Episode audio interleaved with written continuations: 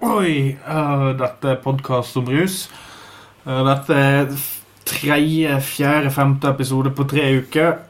Så du får faen meg ikke noe vits nå, altså. Dette er ikke gøy i det hele tatt.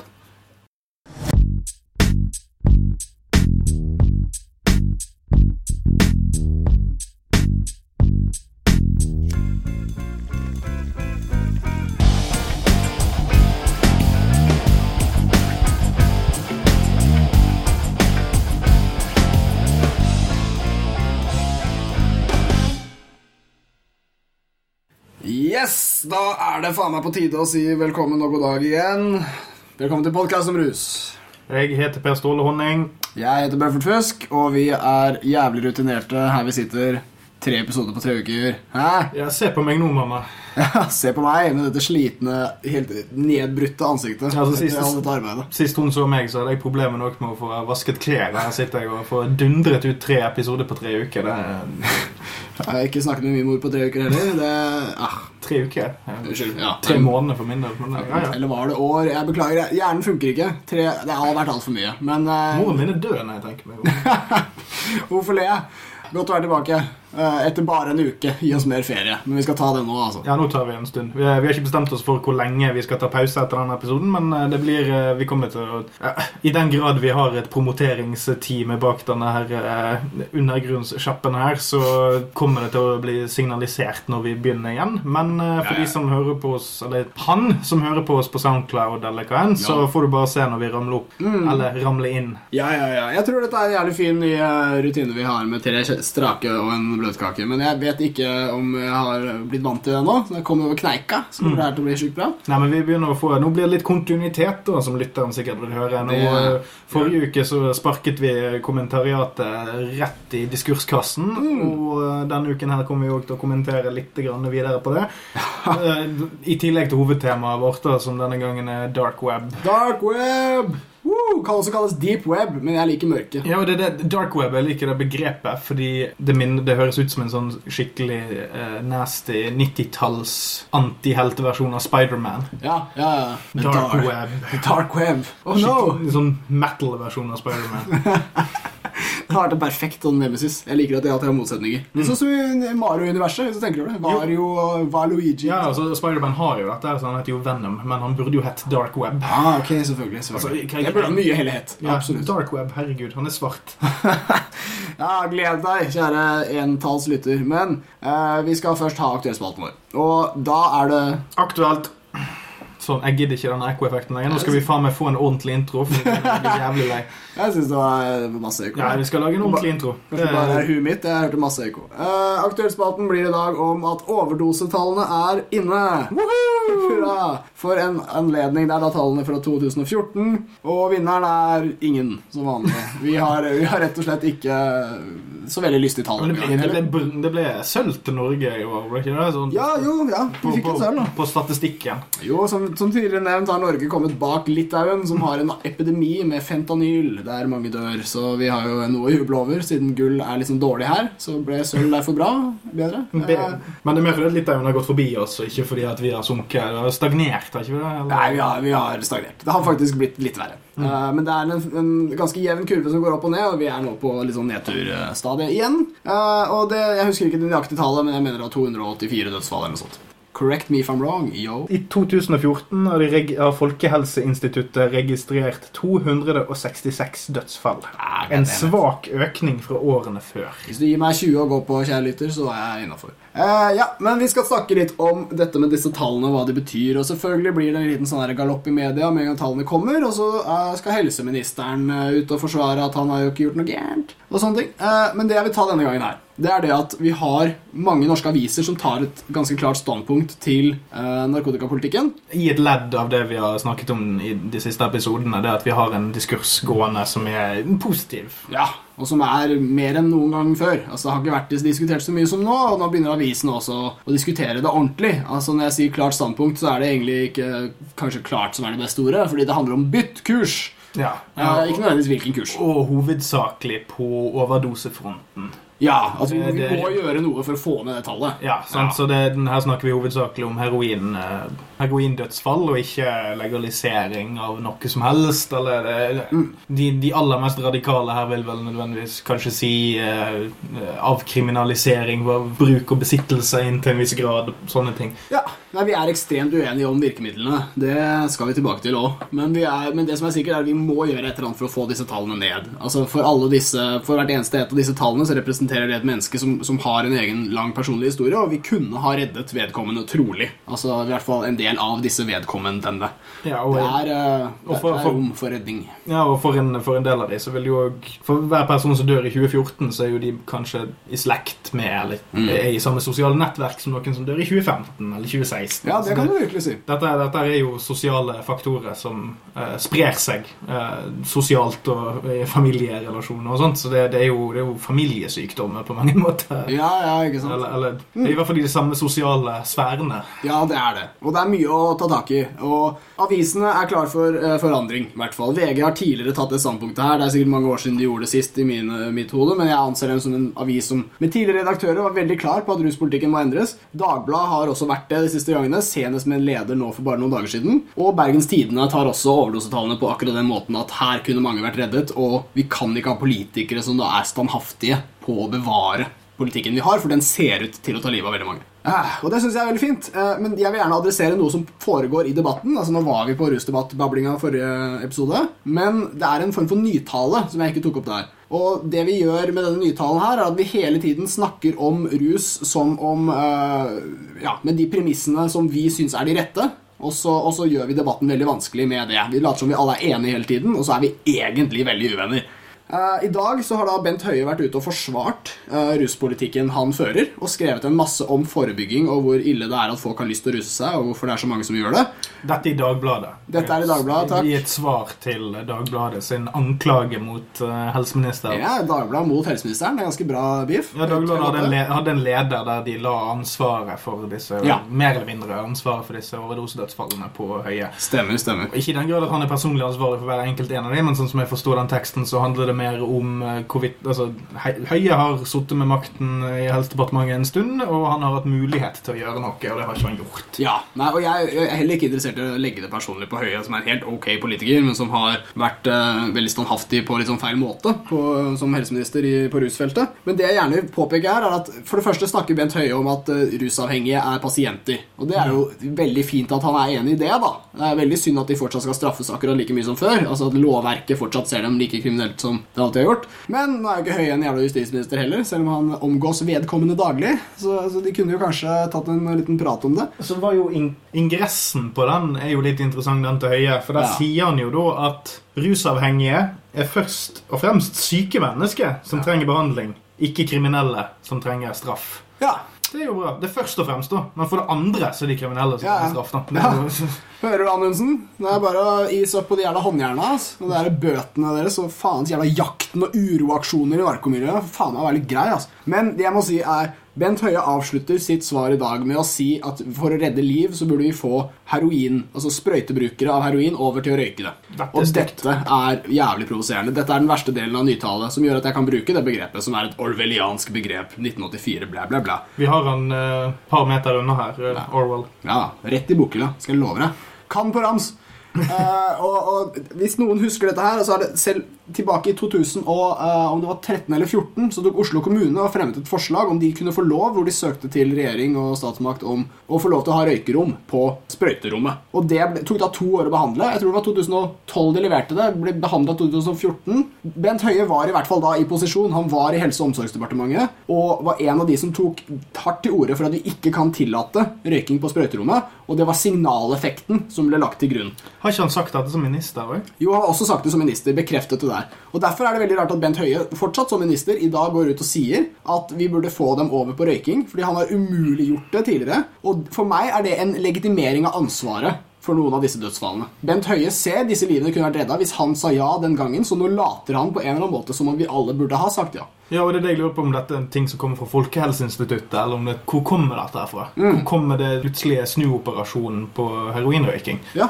Eller kanskje Bent Høie er for, eh, for heroinrøyking. Det er bare det at eh, som alle andre helseministre så er han veldig for at det skal være uterøyk. Mm. Må ikke gjøre det inne.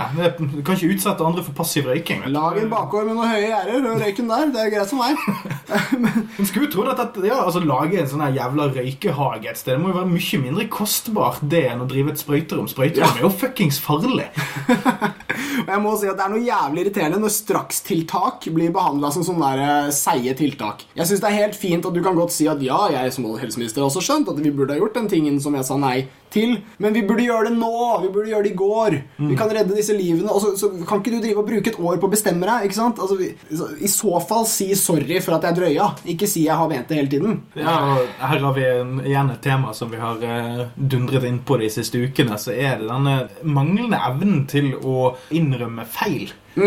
Som hadde i hvert fall innenfor rusfeltet vært en forfriskende, et forfriskende pust. Ja. Når man får, I hvert fall fra samme person. Når de har helt åpenbart sagt én ting, og så nå snudd kappen etter vinden. Ja, Eh, absolutt. Det her, er, det, det her ser ut som en sånn stille innrømmelse av feil, og det, det er ikke cool. altså. Ja, men Det er dette som skaper politikerforakt. Ja. Det, er ikke, det er ikke noe å bygge en plattform på, akkurat. Og uh, Apropos plattform. Uh, plattformen Nytale er i ferd med å etablere seg. Dette er faktisk et problem. Jeg vet Det kan høres ut som jeg bare liksom elsker boken 1984 og, og, og frykter det verste, men det er, i dag hadde Klassekampen en leder som virker helt forvirra retorisk for meg. Den er skrevet av kulturredaktøren deres, og det handler om at de er på en måte enige med Høie da, om at hvis vi skal ha en ny ruspolitikk, så må den være vel, ja, Ordvalget deres er jo litt underlig, men det må i hvert fall være mye, mye som før, og jævla tøff. Ja, Dersom uh, lytteren kan tilgi meg nå, så skal jeg plukke opp PC-en min fra gulvet. Det er, det er greit så, hvis, med så hvis lytteren har hørt en slags sånn svak eh, during og hvesing, så er det fordi at eh, jeg er veldig fattig, og jeg har ikke råd til ny inhalator til PC-en min, så den eh, har litt pusteproblemer for tiden. Det er sånn det er her i budsjettavdelingen til podkasten. Yes. denne, denne lederen for Klassekampen den kommenteres som, som Høie sin kommentar var til Dagbladet sin kommentar til Ja. de nye tallene fra Folkehelseinstituttet. Oh, yeah. Så er dette her da eh, Klassekampen sin lederartikkel om hvordan de ser på disse tallene. Mm. Den er skrevet av Katrine Re Holmøy, som da er en sosialantropolog og journalist. Men jeg tenkte jeg skulle lese opp noen eh, seksjoner her som eh, er spesielt interessante. Og det er da Ruspolitikken lever i et spenningsfelt mellom å hindre rekruttering og hjelpe dem som lever i avhengighet, og bekjempe tilhørende organisert kriminalitet. Dette spiller inn i diskusjonene om hvilke tiltak som er effektive og forsvarlige. Arbeidet for å holde unge unna rusmisbruk må være jordnært og bredspektret. Steder å være, trygge voksne å snakke med, godt psykisk helsevern, et sted å bo og en jobb eller skole å gå til. Det er disse flosklene som driver og dukker opp hver gang man skal diskutere disse her overdosestatistikkene. og sånt. Det er sånn, Hvem i helvete er det er imot stedet å bo og voksne å snakke med? Det er jo det er det diskusjonen handler om, for helvete. Hva er rus, egentlig? Ja, jeg, blir helt Et usikker. sted å bo, en jobb og skole å gå til. Alle er enige om det. Det er jo premissene som ligger bak de Ja. tilbudene som det er strid om. Det er rus en form for sånn sykdom man får? Eller, Ja, altså, jeg, jeg skjønner ikke helt hvordan ja. Denne lederartikkelen tar utgangspunkt i at man har noe som kalles tunge rusmisbrukere. Og det er de Mm. som er eldre, og det er de som er mest utsatt. Alle som er yngre, de skal man liksom drite litt i. Ja, Ja, drite drit i ungdommen. De skriver videre Vi må ha solide og varierte løp for alle som vil bryte med avhengigheten. Dette må likevel ikke stå i veien for livreddende tiltak for de tyngste brukerne. Her må pragmatikken få råde. Ok, her kom ordet pragmatikken. Der kom den. Der kom den. Ok, Husk pragmatikk, kjære lytter. Dette ser vi eksempler på i Nasjonal overdosestrategi 2014-2017, som bl.a. foreskriver en overgang fra injeksjoner med sprøyte til f.eks. røyking. Og forsøk i Oslo og Bergen med nesespray med motgift ved overdose. Og her, kom- her kommer hooken for min del. Det er det punchlinen, siste linja. Ja, nest siste linja. Okay, okay. Dette får ikke folk ut av rusavhengighet. Det har ingen forebyggende eller avskrekkende effekt. Mm. Men det ser ut til å kunne hjelpe de tyngste rusmisbrukerne med å holde fast i livet. Holde fast i livet der, Holde fast i livet. kjære lyttere. Der har du en veldig interessant vending. Sykt at rus lar deg gli ut av livet. Ja. må jeg si. Det er jævlig trist at det er det rus er. Eh, Jeg merker meg at ordet forebygging eh, nok en gang dukker opp. Altså, Jeg vet at dette er et punkt hvor jeg er uenig med mange andre rusliberalister. Om Er vi i det hele tatt interessert i å få ned forbrukstallene på rus? Eh, Jeg, jeg kunne på en måte sagt ja til det, men jeg vet hvor mange faktisk ville sagt nei. Altså, på, vi burde bare bytte rusmidler. Rus oss oftere på bra ting, ville noen sagt. Ja, men for, for heroinister spesifikt så Ja. er det jo virkelig eh, i alles interesse å få ned tallene generelt. Det er jeg enig i. Men Forebygging, hva er det? Ja, der kom jo den, ja, forebygging. Jeg ville jo sagt at det forebyggende tiltak ville jo vært å for eksempel la de få lov til å røyke, på, røyke heroin på sprøyterommet for flere år siden. Ja, fordi Hva er det som forebygges? Ja. Er det overdosene, eller er det rusbruken? Ja, fordi, ok, la oss, la oss se på det rent uh, objektivt her da, hvis du setter opp La oss anta at vi har 15 000 sprøytenarkomane i Norge, og la oss si at de 15 000 har Eller de 15 000 er heroininjiserende. Ja. Dersom du får halvparten av de over på røyking, så vil jeg si at det er forebyggende. Da vil jeg si at ok, da, da har vi fått ned dødeligheten drastisk. Yes. Veldig bra, men Der er premissforskjellen òg. Fordi Når jeg hører forebygging, så tenker jeg også å, forebygging generelt. så nice. Det er masse ting jeg vil forebygge, som f.eks. død og lidelse og smerte. og sånne ting. Uh, så, så med det premisset ditt så er, det, er jeg helt med. ikke sant? Det vil forebygge overdoser. Så Derfor burde vi få halvparten over på røyking. Det de mener, er at det forebygger ingenting, fordi eh, de vil forebygge rusbruk. Så for dem er det samme faen om røyking eller sprøyting. Ja, det, det er jo, det er jo den interessante tingen her. sant? Fordi at eh, det, det de nevner, er at, at denne eh, sprayen, Naloxone, og uh, røyking, det er ikke forebyggende eller avskrekkende. Men vi kan, vi kan fire litt på de prinsippene for å redde de som har det jævligst. Altså Ja. de gamle og de som er mest utsatt for en overdose. Da skal Der du få. Da skal du få lov. Da skal du få. Ja. Når du er gammel og grå. Ja. Da skal du få. Når, når det begynner å virkelig knipe, når du har blitt kjørt opp i rassen av systemet så lenge at du holder på å skyte deg opp eh, fordi at du ikke har eh, noe som helst kvalitet Ja. igjen, er- da skal du reddes ut. Det er så Når du problematisk. blir tynt opp etter veggen i 30 år, da skal du få lov. Hvis målet er å avverge rus generelt, og det er det veldig mange i Norge som mener det er, og det er cool Eh, Men da, da vil jeg gi dere litt sånn påminnelser om at alle rusavhengige er veldig forskjellige, og at årsakene til at de bruker rus, er forskjellige, og mennesker er ulike. Jada, jada. Eh, Når du da har to forskjellige folk da, La oss si du jobber i Nav, og så har du to forskjellige folk som kan få en leilighet. Og Han ene han har slutta å ruse seg, og han andre han ruser seg fortsatt. Og de har begge en jævlig god sak. Da vil du konsekvent gi den til han som har slutta. Han som har vist evne til å fjerne onde narkotika fra sitt liv. Men det kan hende han er jævla brukeren har mer rett på det greia. Altså, det, det blir en disiplinær føring der det å bruke rus alltid er galt. Og det å bruke rus da blir uttrykk for en eller annen form for Uh, ja, onde eller manglende kvalitet. eller noe sånt. Dette er ren moralisme. Du er ikke lat fordi du ikke klarer å slutte med heroin. ok? Du er faen meg et menneske som fortjener bo og alt mulig tilbud, og ikke straff. God damn it! Som vi har snakket om alle de foregående episodene, føles det som, så er det denne, denne Det er en sånn institusjonalisering av eh, lidelse som foregår, Ja. som er litt stygg. Altså, den, denne, denne, det at du, du er nødt til å hoppe gjennom så mange ringer for å få menneskeverdet ditt tilbake. Ja. på et eller annet slags vis. Hvis vi skal snakke om Drit i avskrekking, for det er et elendig begrep som vi Mm. ikke egentlig burde bruke. i... Uroaksjonen i narkomiljøet har ikke fått dem til å forsvinne. Nei, ikke, la, aldri, Klassekampen, ikke bruk avskrekking. Det er et elendig begrep. Hold deg unna. Hold dere unna. Eh, men forebyggende. Snakk om forebyggende. Om det er noe som er forebyggende for overdosestatistikken, så er det å begynne å gi rettigheter til folk som allerede er i tungt rusbruk. rusbruk. Ikke begynne å gi folk rettigheter og fordeler når de har kommet seg ut. For da belønner du bare den prosentandelen som fungerer innenfor dagens system. De som klarer å bli rusfrie sånn som ting fungerer akkurat nå, det er de folkene som er mest primet for å fungere i dette systemet. Ja. Det vi snakker om i rusdebatten nå, er hvordan vi skal greie å redde alle de andre folkene som faller utenfor, faller gjennom alle sprekkene i systemet sånn som vi har det nå. Ja. Det er komplett fuckings idiotisk å begynne å snakke om at vi skal begynne å fire prinsippene bare for å redde de de som allerede har blitt buttfucket helt bort i hjørnet av dagens system. Mm. Vi må begynne å se på ok, hva kan vi gjøre forebyggende før de havner der. La oss si at du er 25 og sprøyt- sprøytenarkoman. Mm. Ja. Der må vi sette inn tiltak. Hell yeah. Yeah, man. Gi, åh, Veldig bra rant, mann. Kjære lytter, neste gang du hører en rushater bruke begrepet forebyggende, så må du være så snill å påpeke hva, spørre hva det er som skal forebygges. For jeg har et forslag til hvordan du kan forebygge vold, død, vinningskriminalitet, innbrudd, tyveri og den slags. Det er å regulere disse jævla rusmidlene så folk ikke trenger å ordne 2000 spenn om dagen for å få i seg dem. Ja, Det får være mitt forslag til forebygging. Legaliser drugs, da, så kanskje vi får forebygge noen av de andre problemene vi har i det jævla samfunnet. Moralist. Helvete. Dere er evil Per Fugli. Onde Per Fugli-personer. Dark Per Mm. En slags omvendt. Blir det evil, eller hva blir det? Nei, dark, altså, jeg tenker Dark er bra. Ja, for det passer bra med Segwayen, jeg tenkte, med dark web. Ja, ja, ja. Ah. Dark Per Fugli henger selvfølgelig på dark web, der han slenger dark eh, moralisme til eh, sine dark Nei, nei, det er dark hedonisme. Det Det er alltid så spennende hvordan de er omvendt. Det, det er så mange muligheter. Det er lys hedonisme på dark web. Per Fugli ja, han gir helt faen. Han gir helt faen. Gjør hva du vil. De driter i det. Ah, jeg klarte ikke det. Tenk på deg selv, drit i flokken. Drit i flokken din. Vær et ettall på jorden, sier Dark Per Fugli. I like to do drugs. I like to have drugs. I like to hold a cigarette full of grass in my hand until one morning.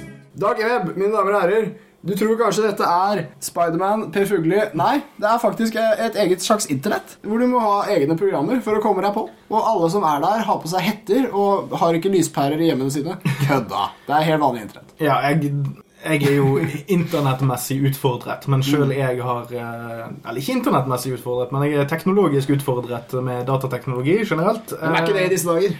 Ja, sant, altså det, det nerdene regjerer verden. Ja, de har allerede begynt. Ja, Men sjøl jeg har jo et begrep om hvordan dark web eh, fungerer, og jeg tror de aller fleste har en slags forståelse av at ok, du har et program som gjør at du kommer deg under overflaten. Ja. Altså, en, en, en slags, eh, en slags ubåt Ja, i, eh, i rusmidlenes verdenshav, eller internettets verdenshav. Ja, Du vet hvordan du, du logger deg på internett, og så er det masse folk som er sånn 'Å, hei, velkommen til internett. Her er masse pop-up ads.' Eller bare et eller annet sånt skit. «Jeg er Så glad for å se deg. Her er masse e-mail fra denne personen og sånn. Ja, Darkweb, ingenting av det. Vi er ikke glad for å se deg i det hele tatt. Bare, er, hvem, hvem er du? Faen er du her nå igjen? Er det en, en skikkelse borti hjørnet der? Uh, og, og det er en stilig, litt sånn ærlig ting, det òg, da. Men på, blant folk flest så vet jeg at dark web har et rykte på seg for at der kan du kjøpe alt mulig rart. Og, og da tenker folk fort på sånne horer og pistoler og våpen og sånne ting. Hore og pistoler. Det, Det er veldig ofte det som er drugs, selvfølgelig, men, men de andre òg. Tusen takk for at du name-droppet uh, heavy metal-band, uh, bandet mitt. Horer og pistoler.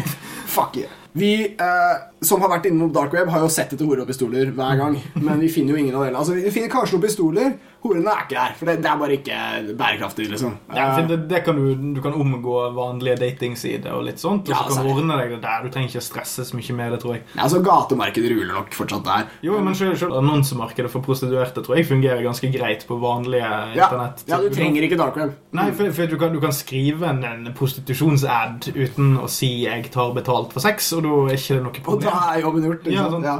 Men på dark web også, vanlige folk tror at der kan man kjøpe leiemordere. Og det syns jeg er en jævlig fan ting, fordi det er kjip ting å kjøpe på internett. ass Der må du nesten møte de face to face. Eh, Du trenger et visst tillitsbånd, fordi CIA er jo i én av endene. Enten er det han som kjøper, eller han som selger. Hvordan kan du kunne Bare det å spørre 'Hei, kan du drepe noen?' Det er sånn tolv år i fengsel uansett. Ja, og jeg, Så- jeg, har ikke lyst på en sånn, jeg har ikke lyst på en sånn postordre-punisher. Nei, bare begynne å, begynne å henge i det miljøet der. Bare til, kontakte de på nettet. Bare, jeg skal bare gi noen Ja, for- bitcoins for å for, svigers. for om det er noe eh, Hollywood har lært oss, er det at altså, gå i en sånn her shitty dive bar og snakke med en enøyd jævel med, med arr over trynet, det, det er sånn man ordner seg eh, mercenaries. Det er eneste måten å drepe noen uten å gjøre seg. Mm. jeg, sånn jeg vet, da. Men jeg har lært mye. Personlige relasjoner er viktige både for leiemordere og i næringslivet. Så, Men det er veldig bra intro til uh, hva som egentlig får dark web til å gå rundt pengemessig. Det er jo selvfølgelig drugs. Men vi har allerede vært inne på det med leiemordere. Det er jo forskjell på hva som skjer på internett og hva som skjer på gata. På internett så må du bruke postordre. Altså Posten er liksom leveringsorganet ditt uansett. Uh, selv om du sikkert kan hente det på noen GPS-koordinater hvis du kjøper av en sykt nerd-fyr eller noe sånt. Men på gata så er det liksom andre, andre kår. Og, og når du kjøper rusmidler på, på darkweb på gata, så blir det også forskjeller der. Uh, og det jeg vil si som den største forskjellen her, er jo stort sett at du ikke trenger å møte liksom eh, eh, Ibrahimovic? Ja, i hvert fall en som ligner, men har liksom ett øye og halter litt. Sånn. Ja, for jeg trodde han var sånn pretty boy. Men Den har samme noen hestehale. Altså, nei, det er likheter. Uh, men jo, på nettet så er drugsa på dark web De er kjent for å være renere. Du får god pris, og du får god service. Du kan jo ikke prute. Du kan ikke bli kjent med dealeren og si hvor pene barn han har, og hyggelig kone han har. Du, det er veldig kaldt og, og jævlig, men eh, det er jo veldig fint og ryddig. Og du har et slags eBay-ratingsystem som gjør at du kan rate både produkt og selger. Og Ja, når du sier kan- selge, så er det da uh, providers eller Ja, det kan jo være flere. Det er Ja. på en måte en aktør, da. Uh, Ja. Sjappe eller du har, altså, det, det er eBay, da, eller Amazon, eller hva du vil. Og så har du liksom kategorier som selger sånn drugs. Kjempestort tall. Masse til salgs. Og så er det sånn her other. Det er sånn 20. Og så går du inn der, så er det en fyr som selger rullepapir, og en som selger luftpistoler, og en som selger pass. Som er fake og sikkert ræva. Uh, og det er, handler stort sett bare om at bitcoin er jævlig bra til å bruke til å hvitvaske og, og sånne ting. Folk er der for drugsa. Og de kjøper ofte store partier, og, og det er eh, det er, det er visst mye penger, da. Det har vi lært av uh, mediesakene rundt uh, Silk Road. Når det gikk ned. Det var mye penger. Ja, for la oss, la oss bare gå gjennom Silk Road litt, og hvordan det blåste opp og Ja, ble kjørt i grøften, og litt konsekvenser der, da. Det, ja. Vi kan, vi kan ta litt sånn der, hvordan det går med, sil- øh, med dark web etter hvert øh, utover til å avslutte òg. Men, øh, men Silk Road var synonymt med dark web veldig lenge. Det var liksom Ja, det- hovedsjappa. Ja, det var det liksom tabloidmediene her til lands slo opp, da. Mm. For det, bare en sånn kjapp digresjon, Ja. så, så er jo dark web òg assosiert med en del positive ting. Det var, var jo egentlig utviklet av hva er det, den amerikanske marinen. Ja, det vet jeg ikke. Det var, det var i hvert fall et forskningsprosjekt som var gående der. Det handlet eh, Ja. Jeg, jeg kan for lite om dette, så jeg skal ikke gå så mye inn i det, men det var i hvert fall et, et godartet prosjekt. Det handlet om, om, om sikker kommunikasjon og den, ja. Mm. Og det, så, og så har det blitt en ideell altså Spesielt Tor-nettverket. Det å utvikle denne Tor-nettleseren. ja, det Det er det har blitt en veldig ideell ting. Og, og Mm. man, man, jeg har hørt snakk om at det blir brukt i Nord-Korea, og det blir brukt i krigssone og steder der du faen ikke er trygg. Russland kan jeg godt forestille meg. Altså Det å bruke en, en nettleser som maskerer IP-adressen din, og som bruker peer-to-peer eller proxy eh, Ja. Jeg er dårlig på terminologien. Ja, Den maskerer i hvert fall med å sende signalene dine gjennom andre PC-er, og du, du er vanskelig å tracke. Ja. Det har en unektelig positiv side ved seg. Det at, at du tillater for opposisjonelle grupper, Mm. godartede, vil jeg si, eh, å, å operere. Ja. Sjøl innenfor et eh, totalitært eh, regime eller et autoritært regime. Mm. Og, og her kan man trekke inn, når jeg nevner autoritet, så kan jeg jo snakke om altså, akkurat angående eh, narkosaken, så er jo det òg Kan man trekke visse banale paralleller til at man har en sånn opposisjonsarbeid der òg. Altså, Folk bruker uh, ulovlige rusmidler fordi at de har lyst til å bruke dem, og de mener at de burde være lovlige. Ja. Derfor er dette òg teknisk sett Du kan kjøre et mikroargument her og si at positivt at eh, små, ufarlige mennesker kan selge sine, sine bootlegs til hverandre over nett Ja. med relativt liten fare. Det, det kan man forsvare innenfor visse rammer. Problemet med ting som Silk Roads og andre steder er at når ting begynner å vokse, så kommer de kriminelle elementene til. Mm. Så, så, så man kan, kan ikke idealisere det på noe vis. Nødvendigvis. Nei, man kan jo egentlig ikke det. Altså, hvis man kan idealisere det, så blir det i hvert fall på et veldig sånn høytsvevende idéplan, hvor vi på en måte sier at det er fint at muligheten finnes. Fordi altså, hvis, hvis alle muligheter er tettet, så har vi et totalitært samfunn. Og Det er et begrep som er veldig negativt ladd, og det med god grunn. Men det, det betyr ikke nødvendigvis at det er negativt, for den som har den totale makt, kan jo godt være en hyggelig fyr eh, med gode verdier. Eh, Det er aldri det, da. men det er det aldri. Eh, Det er aldri de som får den, utrolig nok. Så, så det som er fint, er at vi har et system hvor det er mulig. Men det som jeg er fascinert av, er at det holdes på et visst nivå. Altså det er ikke Dark web er, altså, bruker teknologi som er veldig tilgjengelig for alle. PGP-kryptering, sånne ting, det er det som er en enkel og veldig effektiv form for å kryptere kommunikasjon, som du kan snakke fritt om du er gangster eller hva faen du er. ikke sant? Men det er komplisert, og det er noe med samfunnsnytten i det eh, som er bra. Fordi det er ikke sånn at du kan kjøpe to telefoner på Elkjøp, hvor den ene er på vanlig internett og den andre er på dark web. Det er ikke, det er ikke så lett tilgjengelig. De som er der, er nerder. De har pugga, de gadd å lese det. Og de fleste folk som kjøper drugs, gjør det ikke på dark web nettopp derfor. Det er, for, det er så mye styr. Må ordne bitcoins, det er så mye arbeid. Men det er noen nerds der ute som er sykt klare for den formen for arbeid, og de er der. De er de som repper denne dritten. Og unngår at samfunnet blir informasjonsmessig totalitært. Og når, når vi debatterer det her i Norge, så snakker vi alltid om at pedoer bruker det. Ja, det var- ikke sant? De verste folka. Det var introen til sidelinen min i Ik ikke sant? Ja, men, men som du også er inne på, så er det liksom opprørsgrupper i viktige Altså i, i land der hvor vi ofte har verdier vi liker, som slåss. Det er, ofte ting som ofte er bra. Ja, for, for, for å bare kommentere det før vi faktisk kommer oss videre, så Ja. er denne negative fokuset nettopp med å pedoet er der. Det er det vi alltid, alltid assosierer det med. Ja, pedoen er kjipe ting. Litt det jeg var ute etter i stedet. Denne, denne, med en gang noe er shady, og det er det, så har man en tendens til å, til å diskreditere alle subgrupper som benytter seg av det. Fordi at eh, du lar eh, de dårlige eplene, eller hva man sier på engelsk, eh, spoil the bunch. Ja. Så jeg vil ikke nødvendigvis si at dark web sånn generelt Man kan ikke si noe veldig bredt generalisert om det. Eh, Nei. positivt, men du kan heller ikke si at det er en utelukkende negativ ting heller. Det er Nei. umulig å Nei, og Det jeg kan si for å bare viderebygge den her eh, nøytraliteten der, egentlig, det er jo det at sånn som, La oss si de bruker alltid pedoer. uh, som eksempel. Pedofile får herje fritt på dark web. Men sånn er det jo ikke. fordi altså, Dark web består også av mennesker. Uh, og de menneskene er også preget av sosiale faktorer, så det er ingen som syns pedoer er kule. Uh, så de er jo ikke med i festen på dark web. De sitter jo i hjørnet der òg. Altså, det er ingen som vil henge med de. Nei, de Så- får, de får juling i fengsel. De de får får juling på dark web. overalt. Altså. Så selvfølgelig er det ikke mediet som har en slags pedofili ved seg. Det er mer sånn som et verktøy for kjipe folk, også de. Men i, i den kjipe folk-kategorien finner du også drugdealere og alle mulige former for kriminelle som har informasjon som et verktøy, og som kan bruke postvesenet til å distribuere. Så ja, jeg hadde en anekdote òg, da. Jeg har allerede babla mye i dag, men jeg kan jo ta den. Det er derfor vi har denne podkasten, sånn at vi kan bable mye, og så kan eh, våre, våre nærmeste få litt fred resten av uken. Det er sant. Og nå har vi jo snart babla fra oss for, for flere uker her. Eh, men jo, dette er da anekdoten 'Verdens beste dealer'. Det er en kompis av meg som har fortalt den historien. Og den er så jævlig fin. Det handler om en norsk person på internett, kjønn ikke visst, eh, som har solgt et produkt på en måte som har vært så utrolig stilig. Og det er, Jeg trenger ikke engang si hvilken substans det er, men det er et kjemisk pulver som er kjent for å ikke være så veldig skadelig. Og det er masse sånne etiske ting som er helt ok med det. Eh, vedkommende er trolig en kjemiker. Eh, men det min kompis da gjorde, var at han logga på, og så fant ut at den personen her har perfekt score. Og da snakker vi 100, tu- 100 Og hvis du har vært på eBay, så veit du at det er, det er bullshit. Det, det Varsellampene går. Uh, fordi det er alltid en eller annen kuk som slakter deg, og da får du 99, something. Altså, det, det er alltid en eller annen pikk som går inn på Gudfaren og sier 'fy faen, så Ja. jævlig kjedelig'. Jeg hadde så dårlig dag den dagen når jeg så den filmen. Terningkast 1. Altså, det er alltid en kuk. Og, så Derfor har du 99, something. Men han fyren her han hadde da solgt flere tusen pakker. Han hadde 100% Og anmeldelsene var helt sinnssyke. Great guy, smiley face og sånn. Produktet 100% Fyren 100 Og jeg sier fyren bare fordi jeg selv er mann. Jeg aner ikke kjønn. Seriously, på denne personen her. Og det var også veldig viktig at kjønnet mann, da. Kjønnet ble aldri synlig. Ja, skurker er ofte menn, så vi kan regne med det. Men i hvert fall, eh, så min venn sendte deg en melding først om, eh, om at han ville kjøpe noe. Så fikk han svar tilbake. Nei, krypteringa funka ikke. Så sendte han tilbake, og, og fikk da svar på norsk. Og da vet han at krypteringen har funka, for da har han, da,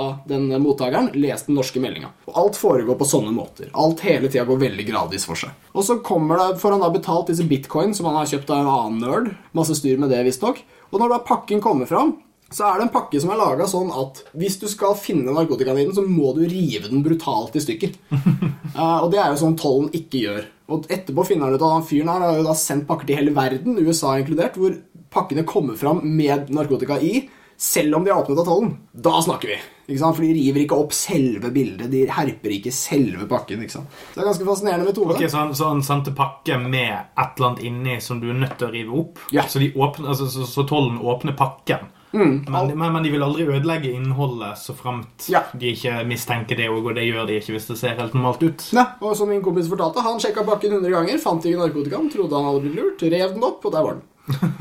I frustrasjon og sinne. Yes, trolig.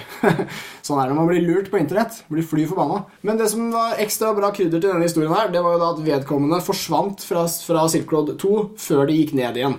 Og at vedkommende hadde skrevet en melding på siden sin à noe sånt som skal bare selge ut resten av det her, og så skal jeg på lang ferie. Så én måned omtrent før Silk Road gikk ned, så forsvant vedkommende, og alle som var igjen, mistet alle pengene sine. Så jeg vet ikke hvem denne briljante dealeren med ferdigpakkede pakker av billig, rent narkotika eh, er, men vedkommende har i hvert fall fortjent pengene sine.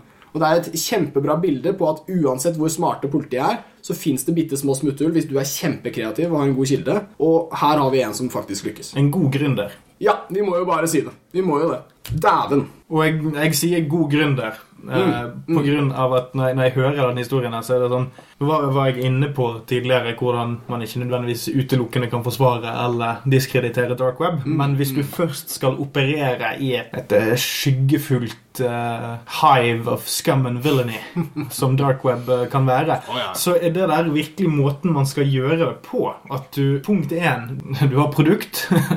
som er noenlunde etisk forsvarlig, angivelig. Eh, at du har en, en eh, leveringsmetode som er trygg. Folk får tingene sine. Eh, de får valuta for pengene. Eh, og han visste når han skulle cashe inn chipsene Ja. og stikke til helvete derifra. Nå kan det godt hende at det bare var tilfeldigheter. Rene tilfeldigheter. Men jeg, jeg vil ikke skryte for mye av uh, ulovlige elementer. Men vi, det, det, oss vanlige dødelige har jo en viss fascinasjon for de kriminelle elementene som får ting til. Ja. Så, så her, det, det, det er jo dette her som burde være idealet. Ikke, ikke fuckings Scarface eller Pablo Escobar eller Nei, alle de her andre ruserøverne der ute. Det som fascinerer meg med denne historien her, er jo at her er det en person som har liksom perfeksjonert altså det han har av muligheter. Rett og slett Hvilke muligheter han har, er perfeksjonert. Fordi Hvis du hadde stått på gata Hva er en perfekt dealer på gata? Jo, han har bra produkt, han smiler, og han bøffer deg ikke. på en måte Og Dette er den digitale versjonen. Fordi Jeg fikk også høre at det var en slags kundeservice med masse smiler. og veldig sånn Selv om folk var frustrerte, så svarte han bare 'Å, unnskyld', og så smiley. og liksom Veldig sånn som en slags robot. Perfekt kundeservice-robot. Og er du det på gata, så er det ikke så mye folk legger merke til, men når pakken kommer perfekt, og du har liksom prisen er lav, og alt er sånn, det er sånn big merkevarepakke som kommer, da, da, da begynner folk å gi 100 Så det var ingen som klarte å gi 99 Det er fascinerende. Nei, for med et, med et digitalt tilbud så får du ikke nødvendigvis den samme trusselen om vold. da for, Mm. for eh, hvis en person går på gaten og skal kjøpe seg en grammer med hva det skal være, Ja. så uansett hvor mye tillit du eller vedkommende får til uh, dealeren La oss si at du møter en person som du da får telefonnummeret til, eller oppbygger en eller slags forhold til. Ja. Så vet du fremdeles Du kan ikke begynner ikke å henge med vedkommende eller drikke kaffe med dem eller ta en øl. Det blir sånn ok. Men det, det finnes alltid et element av du vet ikke hvem denne personen henger med. Mm. Det har du òg på nett, men det blir, det blir mye mer dis, det, er stor distanse. Sant? Så hvis, han, så hvis han fyren her eh, vi snakker om nå, eh, sendte ting til USA eller til Australia, eller hva faen, så, det, så sitter de på den siden og eh, kan være rimelig sikre på at det er ikke et voldelig element her som kommer til å gå ut over kjøperen. Altså de, de som legger ut bitcoins for dette. her. Ja. I, I verste fall blir de skammet. Og, og, da, og det er en viss risiko innenfor uh, rusmiddeldistribuering uansett. Uansett. Du, det- i den, hvis du treffer en person på gaten som du kjøper noe av, kan du fort ende opp med å bare få papir i en uh, pose Mm, ja. istedenfor uh, kokain eller hva enn. Det har jeg hørt uh, Mm. fortelle meg om òg. Men dette er jo en del av, av hele tendensen. Vi, vi har store Det er så mange et, stor etterspørsel etter rusmidler, og da blir det veldig mye rom for alle former for parasitter og sånne ting. Og jeg vil gjerne påpeke at det også er noe som skjer i samfunnet for øvrig. Svindlere er overalt. Ja, altså når vi først tar dette internett mot eh, gatemiljø Ja, eh. Gatedealeren. Eh, akkurat det jeg nevnte noe med papir i posen, det er basert på en ordentlig story jeg har hørt. Ja, ja. Av eh, noen eh, karer jeg har møtt som var ute for å kjøpe seg kokain på gaten, og endte opp med å kjøpe en, en stor pose av en fyr. Eh, så gikk de hjem til nachspielet der de skulle ha fest. Mm. Eh, og så åpnet de posen, og det var bare tørkepapir. Yeah. De hadde betalt en tusenlapp for tørkepapir. Ja. Eh, så stakk de ut for å finne den. ja. Som er en veldig Mad Max-ting å gjøre. Eh, og, og brukte mange mange timer på å løpe gatelangs og lete etter han fyren for å banke han. ja, ja. For vold. Hva ellers? Ja, ja. Så, som kanskje i det øyeblikket når du sitter der og er 1000 kroner short, så føles det som en jævlig god idé, men det er jo aldri en god idé. Det er jo ikke det. Det du heller skulle gjort da, vet du, da skulle du gått på, på eBay-en din og så skulle du gitt han skikkelig dårlig review. Han er, og dette er jo det, det som skjer hvis du selger sånn på, på, på, på sin narko-eBay, på Silk Road, så hadde du fått det her. Liksom. Ja, for Folk driver og snakker om feminiseringen av samfunnet, og sånn, at, vi har, at menn har blitt så myke. og sånn. Jeg tror det er heller er internettifiseringen av samfunnet. jeg, At du heller kan gå inn og trykke på null på, Ja, på, på stjerneratingen til noen, istedenfor å gå og gi dem igjen på trynet. Er ikke Ja, det en veldig god ting å gjøre? Ja, men Da har du i hvert fall et alternativ. Ikke sant? Ja. Altså, vold er alltid et utslag av frustrasjon. Jeg har jo ingenting annet å gjøre. Hva gjør jeg når jeg pakker opp tørkerull? Jeg løper ut og slår han i ansiktet hvis jeg finner han. Jeg må finne han, jeg må finne han. For hva er, end, hva er endgamet ditt etter at du har banket han opp? Er det da at du skal ta alle kompisene hans òg, som han ringer inn på mobilen? Skal du ta pengene hans? Skal du få dem tilbake? Har du noen plan videre? Skal du rane han? Skal du begå tre andre lovbrudd når du først står der? Er en Men volden oppstår helt åpenbart i frustrasjon og av mangel på alternativer. Her har vi et alternativ. Null stjerner til han. Null stjerner til produktet hans. Fuck this guy. Jeg har til og med hørt historier om at på den norske og da veldig smale delen av Silk Road, før det da forsvant, som sikkert fins igjen på en eller annen ny sjappe nå, det er at det var folk som drev og sjekla med hverandre. Og da drev kundene og tok parti. Og, de hadde en, det hadde en tendens til å selvfølgelig ta parti med den som hadde best deal, Fordi det ville man jo ha, men det var også det at han ene oppførte seg så dårlig. Og det skrev sånn der jævla drittsekk og liksom veldig åpenlyst. Og det, det sosiale faktorer ble liksom viktig for å da få folk til å heller handle av andre som ikke drev og skreik så mye.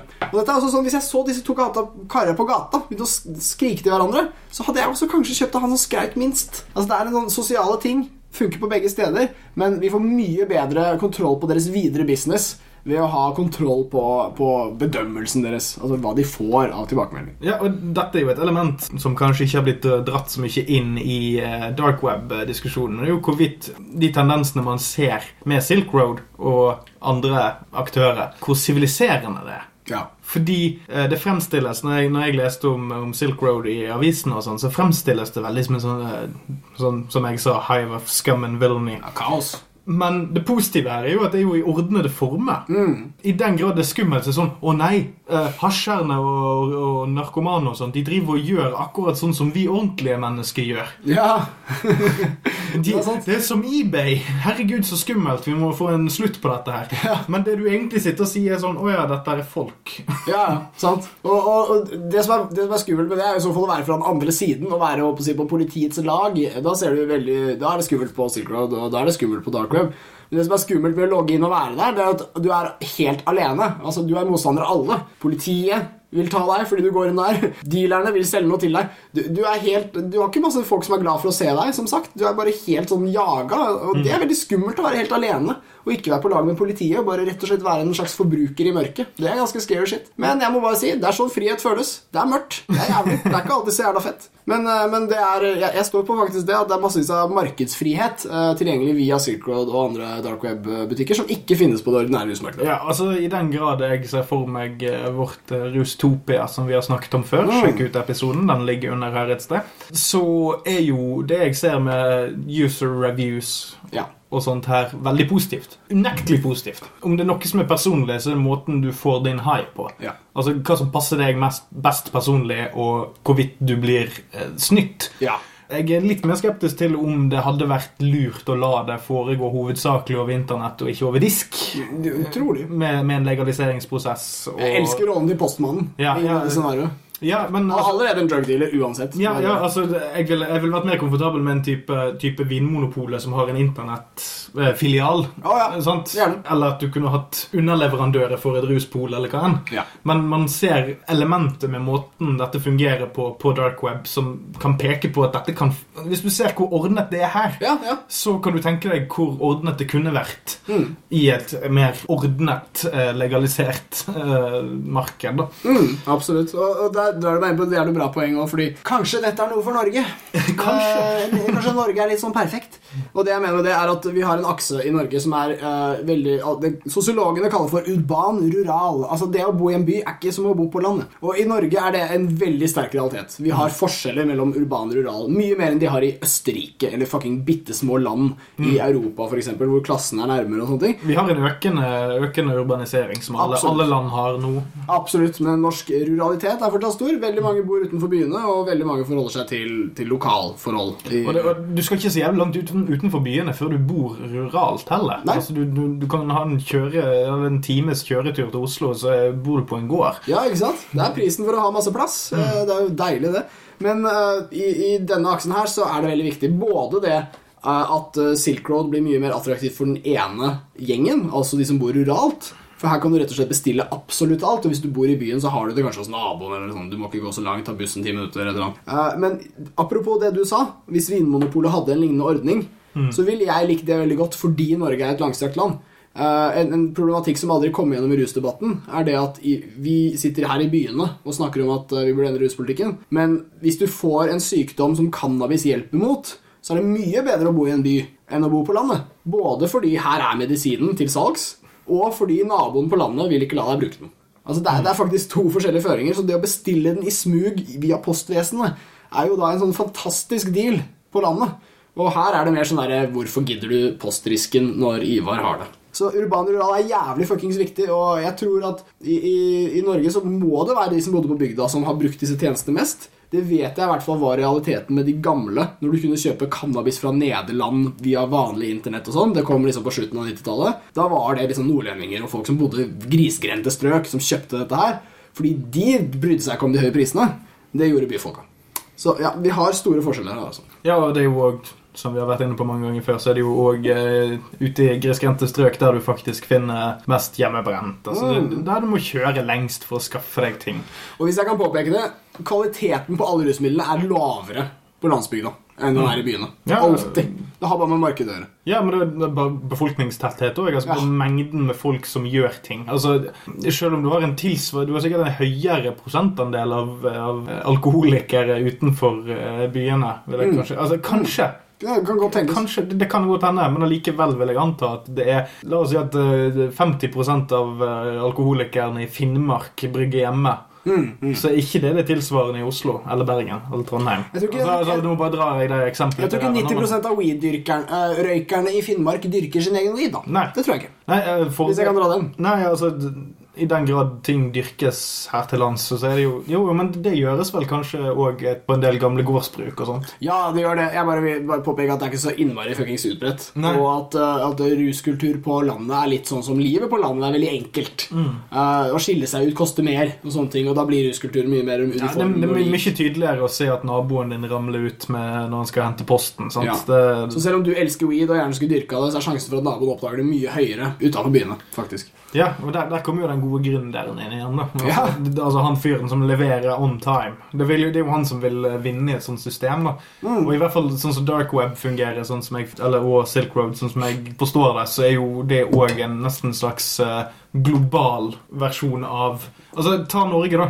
Ja. Norge er en, en, en global bygd. Ja visst. Så jeg kan godt se for meg at Dark Web har vært veldig bra for Norge, eller Norges rusbrukere. Anonyme rusbrukere. Yeah. Bare det å, å skaffe seg eh, kvalitet, eller så nærmt du kan garantere deg en slags kvalitetssikring innenfor det systemet der. Mm. Men det eneste måten Dark Web ser skummelt ut, er i dette kaosbildet. Ikke sant? Altså, hvor, alle bare skal ha Alle pedoer og leiemordere om hverandre skriker om narko. Pedofile leiemordere. Ikke sant? Men greia at alle har disse systemene som undervurderes av alle motstandere. Ikke sant? Og hvis du bruker narkotika, så vil du ha renest mulig narkotika. Og du bruker det ikke bare for å gå til grunne, du bruker det også for å ha det fint. Og, ikke sant?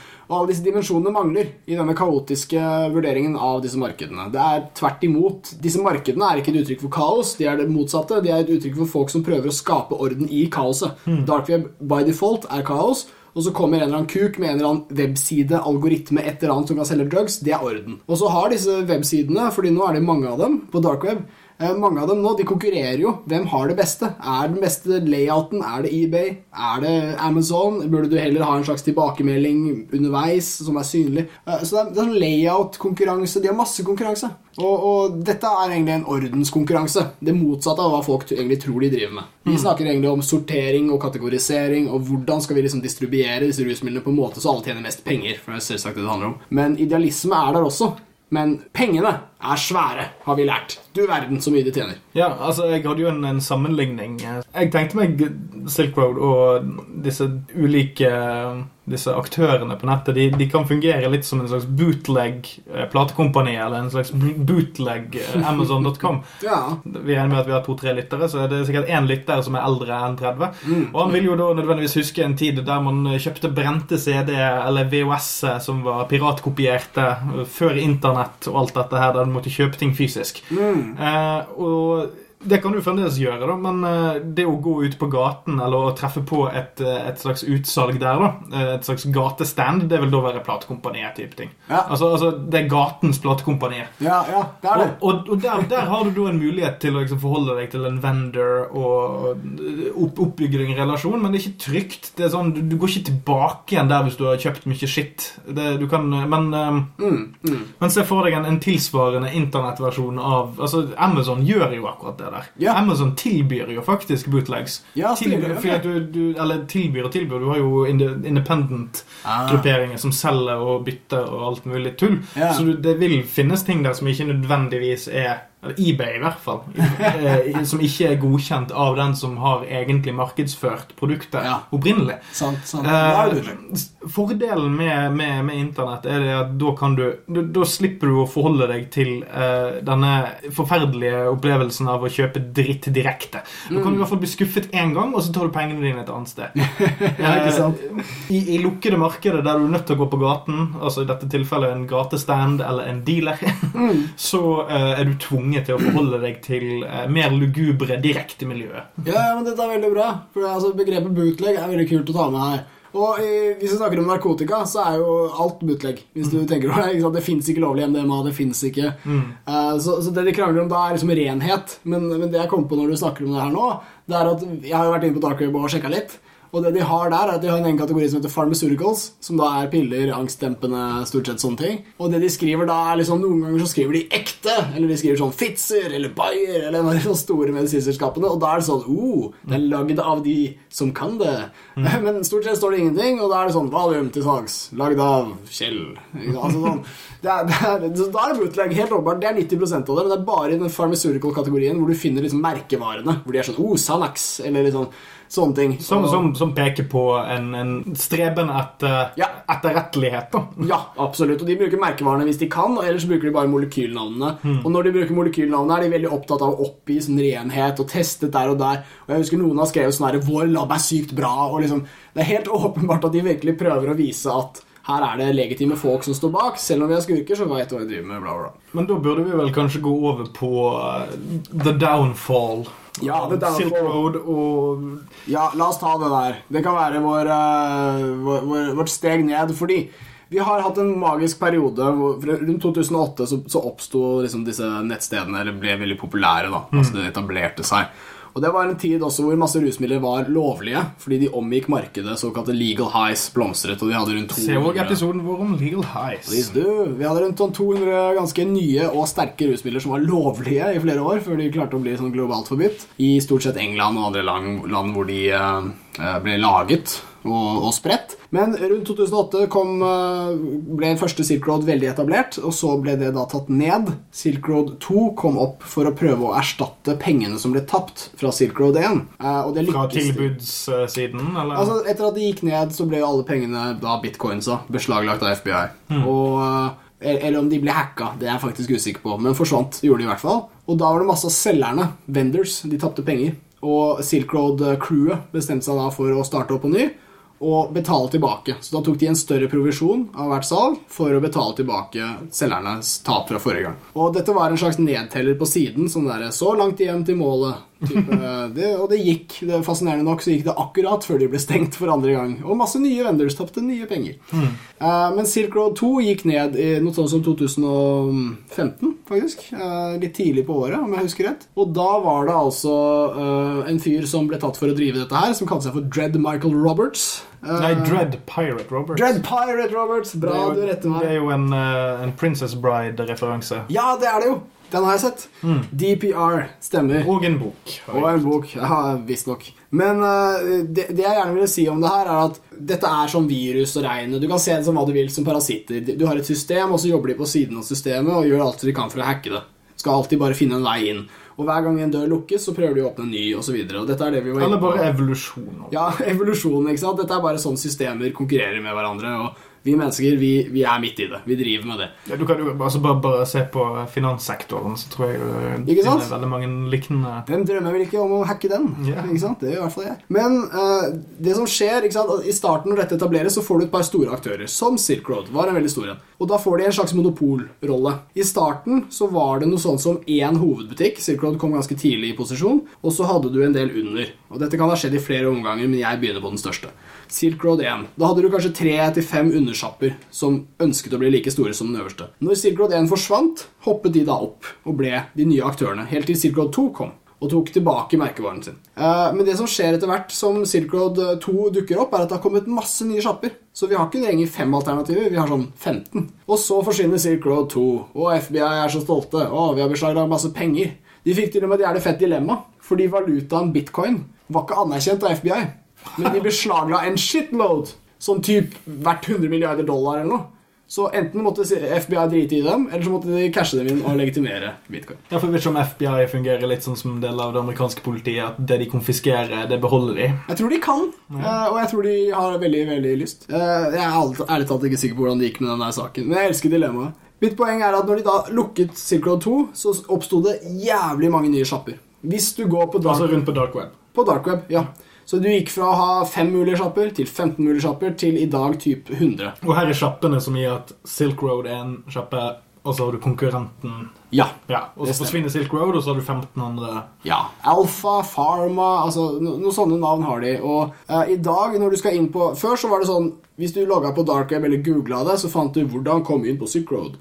Hvis du skal inn på det i dag, så finner du 'hvordan finne den beste sjappa' på dark web. Og da finner du en ranking som er kontinuerlig, fordi du må gjennom en jungel av rundt 100 forskjellige butikker hvor alle faktisk har en del varer til salgs. Så FBIs utrettelige innsats for å knekke dark web har egentlig ført til at dark web har multiplisert taktikkene sine. Eh, og det var jo ikke akkurat gunstig for neste runde av denne kampen. Nei, men det, det der er jo det som skjer hver eneste gang du eh, slår ned på et hvilket som helst fenomen. Stemmer det? Fordi du går på, du går på den største du, altså, Det er noe som på engelsk heter figurehead, eller at du er en gallionsfigur, eller du er, du er representasjonen for hele, hele bevegelsen, eller Ja. hele grupperingen. Og da kommer overmakten ned og bare bom, vekk med deg, fordi at du er den som er enklest å fokusere på. Sant? Eh, Her, da, Silk Road. Ja. Eh, det som da skjer, er jo at oh ja, den knuses i 14-15 forskjellige biter. Eller småbiter, eller hva enn.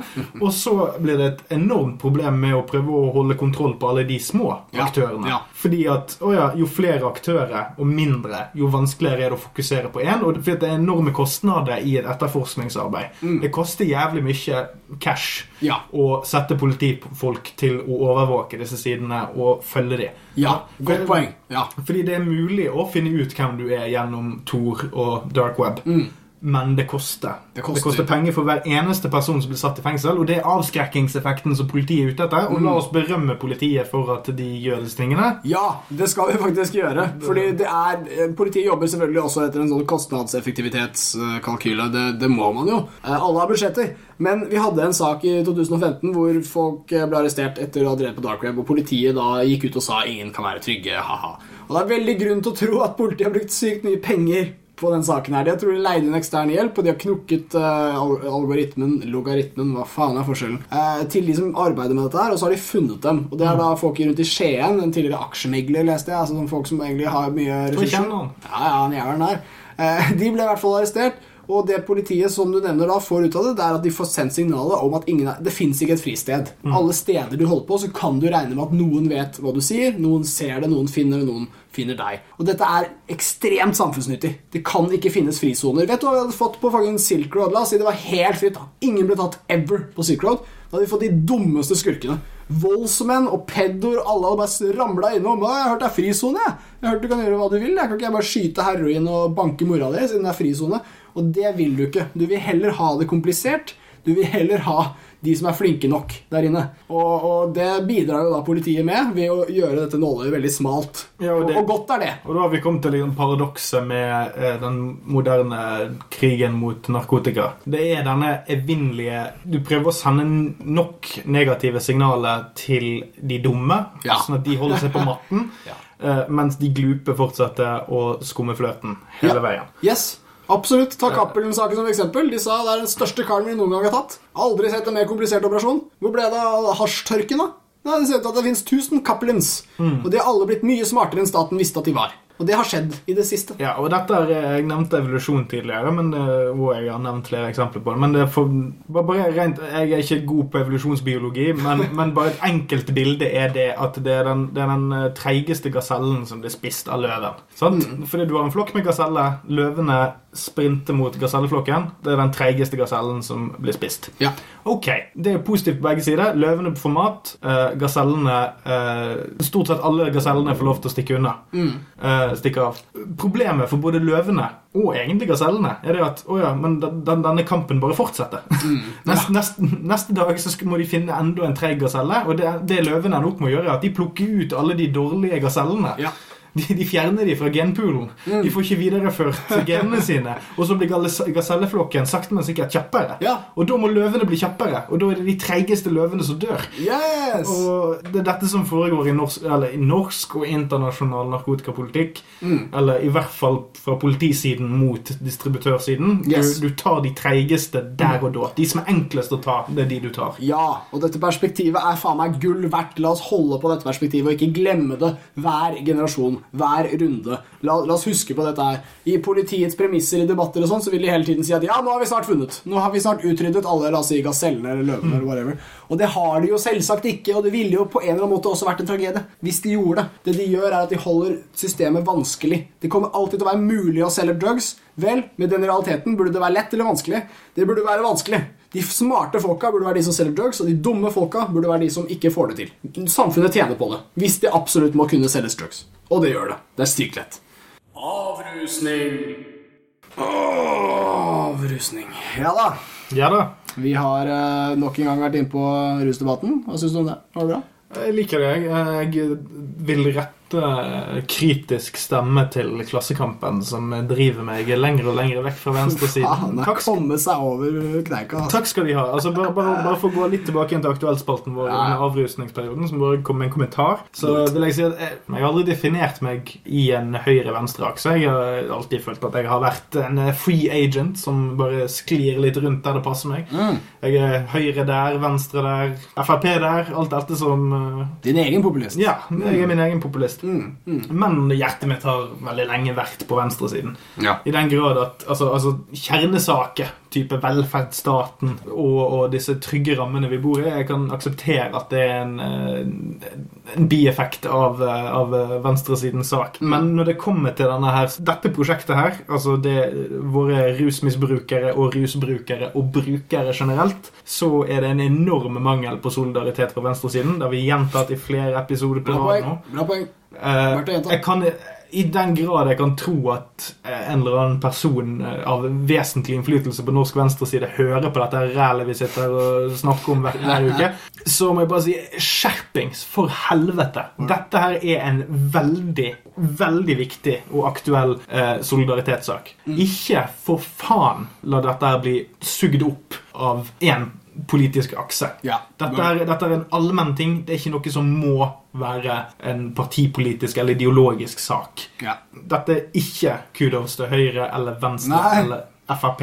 Nei. Det er- Det jeg, jeg er mer skuffet over venstresiden enn jeg er imponert over høyresiden. Null skryt, bare skuffelse. Ja. Jeg er rent personlig også fra venstresiden, men uh, deres dårlige innsats i rusdebatten har gjort meg mer og mer liberalistisk uh, i min voksne alder. Når det er sagt, føler jeg etter en form for behov for å si at det går riktig retning, uh, også på venstresiden. Men vi som er lagd av kjøtt og blod og bare lever i 100 år, vi er veldig frustrert over at det tar så jævlig lang tid. Så få ut fingeren! Ok, Så var det neste del av avrusningen, som er da eh, dark web. eh, og jeg syns det var en helt sånn ok gjennomgang av fenomenet, og også drugs, eh, som er det det egentlig handler om. Altså Vi har liksom sånn der bytte iPhones mot bitcoin og masse sånne scams som de har gående. Bitcoins er sånn dritbra til å hvitvaske, masse skurkecash og sånn. Men alt er drugs. Altså Det fikk vi bekrefta når Silk Road 2 gikk ned og bitcoin-aksjen stupte. Da fikk vi bekreftet at bitcoin, som genererer masse penger, handler stort sett om narkosalg. Og vi blir ikke kvitt dette mørke nettet. Og jo mer vi lar dem få mulighet til å selge der, jo større blir det. Så hvis du blir blir kvitt dark web, så foreslår jeg det at ha en lovlig distribusjon av de rusmidlene folk flest er hypp på. Det kunne vært en bra måte å starte. Sier jeg, da. Slå heller ned på de aller aller farligste tingene, som skytevåpen Mm. og misbruk av barn. Det må du gjerne gjøre. Det, alle er enige om det. Alle eh, I Norge er helt enig. Ja, for, for å igjen være en eh, retrospektiv jævel, så er det jo For å trekke inn denne Klassekampen-lederen igjen. Ja. Altså, De narkomane må ha trygge boforhold, jobb, skoletilbud, trygge voksne å snakke med. Det er ingen som protesterer mot disse tingene. Ingen. Akkurat det samme med dark web. Det er ingen Ja. som protesterer mot at man burde for faen ikke få lov til å kjøpe AK over internett. Det er ingen som protesterer på at det burde være ulovlig å skaffe seg barnepornografi. Det er ikke det det er snakk om, men du må, se på, du må se på dark web som et symptom på det større storsamfunnet.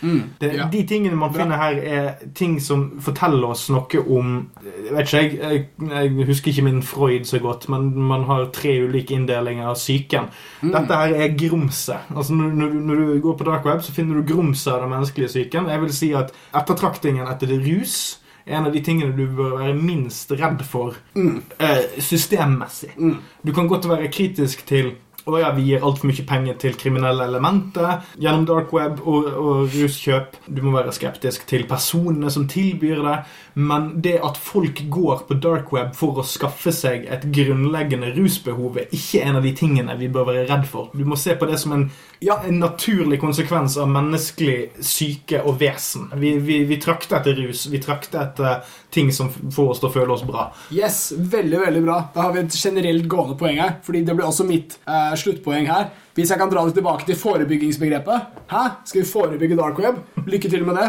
Uh, en ting jeg gjerne vil påpeke er at Forebyggingbegrepet på rusfeltet det går altfor langt. Og på dark web selvfølgelig også. Men vi, det de snakker om, er lysten til å ruse seg. La oss ta parallellen med skytevåpen. Er lysten til å skyte med en gunner galt? Hæ? Fins det ikke lovlige skytebaner? Fins det ikke sånne ting? Skal vi virkelig undertrykke disse menneskelige behovene vi har? For å føle sanseforandring, for å kjenne en gønner i hånda? Sånne ting. La oss få skytebaner for både gønner og heroin.